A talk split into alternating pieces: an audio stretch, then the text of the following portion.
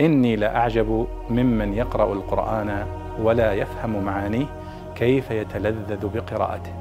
كيف يتلذذ بقراءته. يقول الله سبحانه وتعالى ولتصغى إليه أفئدة الذين لا يؤمنون بالآخرة وليرضوه وليقترفوا ما هم مقترفون.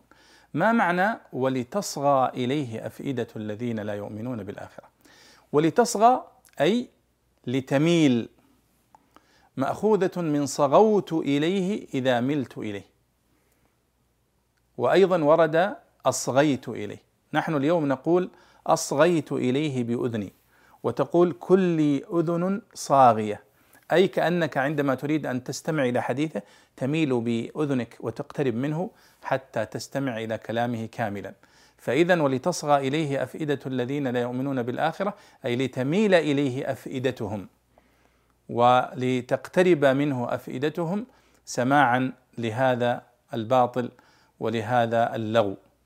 فإذا صغى يصغو بمعنى مال وأيضا يقال أصغى إليه بمعنى أيضا مال إليه واستمع إليه.